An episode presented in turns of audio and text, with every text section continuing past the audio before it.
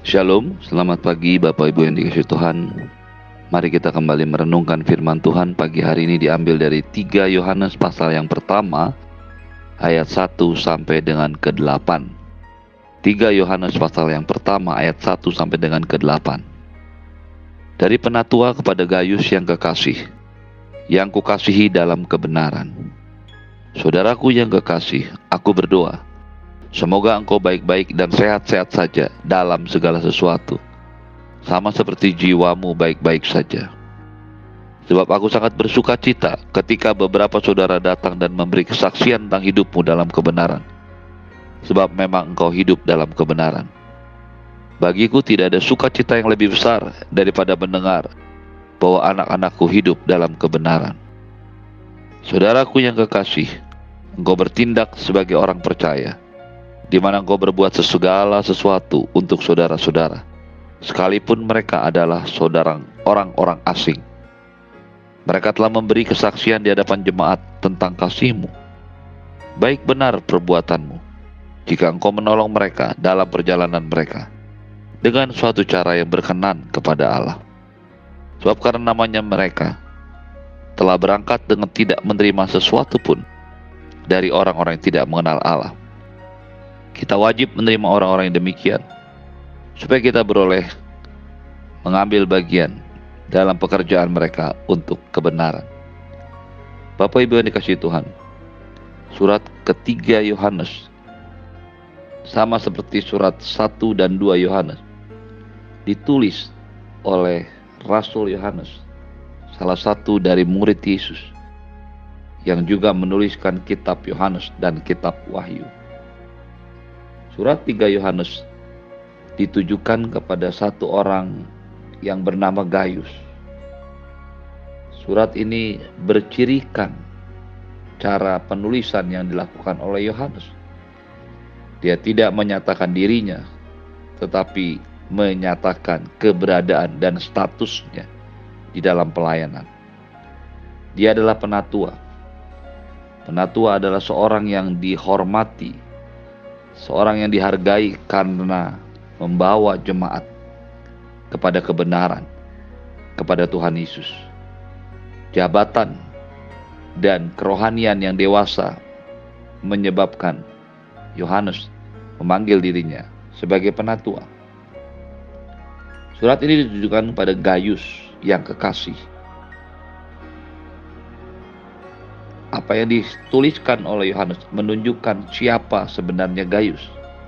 Walaupun tidak jelas karena ada begitu banyak nama Gaius yang muncul, baik dalam kisah para rasul, kitab yang lainnya yang juga bercerita tentang Gaius. Gaius inilah yang dikasihi oleh Rasul Yohanes. Dengan jelas Rasul Yohanes mengatakan, kepada Gayus yang kukasihi, yang kukasihi dalam kebenaran. Penting untuk kita memahami bahwa kasih yang harus yang bisa kita nyatakan kepada saudara-saudara kita adalah kasih di dalam kebenaran. Kasih dan kebenaran adalah dua hal yang saling bertautan sama satu sama lain. Kita tidak bisa mengasihi di luar kebenaran kita tidak bisa hidup dalam kebenaran tanpa kita mengasihi. Kasih dan kebenaran adalah dua hal yang harus menjadi ciri kehidupan setiap orang percaya, setiap orang yang melayani Tuhan. Tidak boleh karena bertindak atas dasar kebenaran, kita tidak melakukannya di dalam kasih Hal yang sama juga kita tidak boleh mengasihi dengan cara yang tidak sesuai dengan kebenaran. Inilah yang menjadi satu ciri kehidupan kasih yang dimiliki dan diajarkan oleh Yohanes kepada para jemaat di Asia Kecil, di daerah-daerah pelayanannya, dan juga kepada orang-orang yang menyertainya dalam perjalanan. Ayat yang kedua mengatakan, Saudaraku yang kekasih, aku berdoa Semoga engkau baik-baik dan sehat-sehat saja dalam segala sesuatu. Sama seperti jiwamu baik-baik saja. satu kebenaran yang luar biasa. Sebagai penatua, sebagai orang yang ditetapkan Tuhan untuk mengembalakan dan memimpin jemaat. Yohanes berdoa bukan hanya bagi para pelayan yang ada, tetapi juga bagi seluruh jemaat yang ada.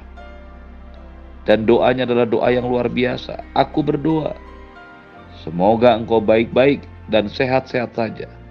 Kata baik-baik berasal dari bahasa Yunani. Euo, yeudoo. Yeudoo diterjemahkan sebagai baik-baik. Tetapi kata yeudoo juga berarti sukses, kelimpahan, dan keberhasilan dengan cara yang luar biasa. Artinya, Yohanes berdoa supaya Gaius mengalami hidup yang berkelimpahan, yang sukses. Tetapi juga dia mau Gaius itu sehat-sehat dalam segala sesuatu. Sama seperti jiwamu, baik-baik atau sehat-sehat saja. Ketika ayat ini dituliskan, ayat ini tidak boleh dilepaskan dari konteks. Mengapa ayat ini harus dibaca bersama-sama dengan konteksnya? Karena ayat yang dilepaskan begitu saja dari konteksnya akan membuat kita salah mengerti apa yang dimaksudkan oleh ayat ini. Ayat ini tidak ditujukan supaya Yohanes berharap dia memperoleh keberhasilan atau kelimpahan. Tetapi ayat ini merupakan ayat doa yang dinaikkan oleh Yohanes untuk Gaius. Mengapa Yohanes berdoa? Supaya Gaius berkelimpahan. Supaya Gaius tetap sehat. Supaya Gaius sama seperti jiwanya baik-baik sehat-sehat berkelimpahan. Demikian pula dengan kehidupan. Ayat ini tidak menjadikan kelimpahan atau kesuksesan menjadi tujuan utama yang harus kita raih dalam hidup kita. Justru ayat ini menjadi sebuah doa dari Rasul Yohanes kepada Gaius. Kita tidak bisa mengambil ayat ini sebagai sebuah dasar pembenaran bahwa Anda dan saya harus sukses. Anda dan saya harus berhasil. Tentu saja ayat ini juga tidak menunjukkan arti bahwa Tuhan tidak menghendaki Anda dan saya sukses dan berkelimpahan. Ayat ini sebenarnya merupakan ayat yang menggambarkan satu hubungan sebab akibat. Mengapa Yohanes berdoa supaya Gaius berkelimpahan, Gaius sukses, tubuhnya sehat, sama seperti jiwanya sehat. Karena Gaius di dalam ayat-ayat setelah ini menunjukkan apa yang dia kerjakan dalam pelayanan. Jadi, kesuksesan itu bukan sesuatu yang salah. Kelimpahan bukan sesuatu yang salah. Tetapi kelimpahan dan kesuksesan bukanlah tujuan utama hidup Anda dan saya. Kita tidak bisa menolak berkat kesuksesan, keberhasilan, dan kelimpahan. Karena itu memang bisa Allah berikan kepada Anda dan saya. Tapi kita tidak boleh menjadikan kesuksesan, kelimpahan, dan keberhasilan sebagai satu tujuan hidup kita. Sehingga kalau satu kali Tuhan belum mengizinkan itu terjadi dalam hidup kita, kita tidak menjadi kecewa. Kita tidak menjadi disorientasi bukan lagi mengejar Tuhan, tapi mengejar semua keberhasilan, kesuksesan, dan kelimpahan. Sekali lagi, doa yang dinaikkan oleh Rasul Yohanes ini ditujukan kepada atau untuk Gaius. Supaya Gaius berkelimpahan, sukses, sehat-sehat, seperti jiwanya baik-baik dan sehat-sehat saja. Apa yang dilakukan oleh Gaius, itulah yang membuat dia didoakan oleh Rasul Yohanes. Di dalam ayat yang ketiga dikatakan sebab aku sangat bersuka cita ketika beberapa saudara datang dan memberi kesaksian tentang hidupmu dalam kebenaran. Mengapa Yohanes berdoa supaya Gaus, Gaius hidup dalam kelimpahan, kesuksesan. Karena Yohanes mendengar banyak orang memberikan kesaksian tentang kehidupan Gaius di dalam kebenaran. Jadi, mengapa Yohanes berdoa supaya Gaius berkelimpahan? Karena memang Gaius hidup dalam kebenaran. Inilah kekristenan yang Anda dan saya harus hidupi. Kekristenan yang menjadikan hidup kita selalu berada di dalam kebenaran. Kita tidak bisa melakukan semua yang kita kerjakan dalam pelayanan sekalipun kalau itu di luar kebenaran. Alkitab berkata, sebab mereka, sebab memang engkau hidup dalam kebenaran. Kekristenan bukanlah sekedar kumpulan teori atau dogma. Kekristenan adalah sebuah kehidupan yang nyata, yang dilihat, dinikmati, dan dialami oleh banyak orang. Ketika semua itu menjadi sebuah kesaksian, maka itu sebenarnya akan membawa kita ke dalam janji-janji Allah tentang hidup yang berkelimpahan, hidup yang sehat, baik secara rohani maupun secara jasmani. Dengan tegas di dalam ayat yang keempat, firman Tuhan berkata, Bagiku tidak ada sukacita yang lebih besar daripada mendengar bahwa anak-anakku hidup dalam kebenaran. Anda dan saya harus fokus selalu hidup dalam kebenaran dan bukan hidup dalam kelimpahan fokus utama kita adalah hidup dalam kebenaran, maka kelimpahan keberhasilan dan kesuksesan akan menjadi bagian kita sebagai anak-anak Allah yang hidup dalam kebenaran. Ayat yang kelima berkata, Saudaraku yang kekasih, engkau bertindak sebagai orang percaya, di mana engkau berbuat segala sesuatu untuk saudara-saudara, sekalipun mereka adalah orang-orang asing. Mereka telah memberi kesaksian di hadapan jemaat tentang kasihmu. Baik benar perbuatanmu jika engkau menolong mereka dalam perjalanan mereka dengan satu cara yang berkenan kepada Allah. Sekali lagi, apa yang menyebabkan Yohanes berdoa supaya Gaius berkelimpahan? Karena ternyata dalam kehidupan Gaius, dia telah menolong orang-orang asing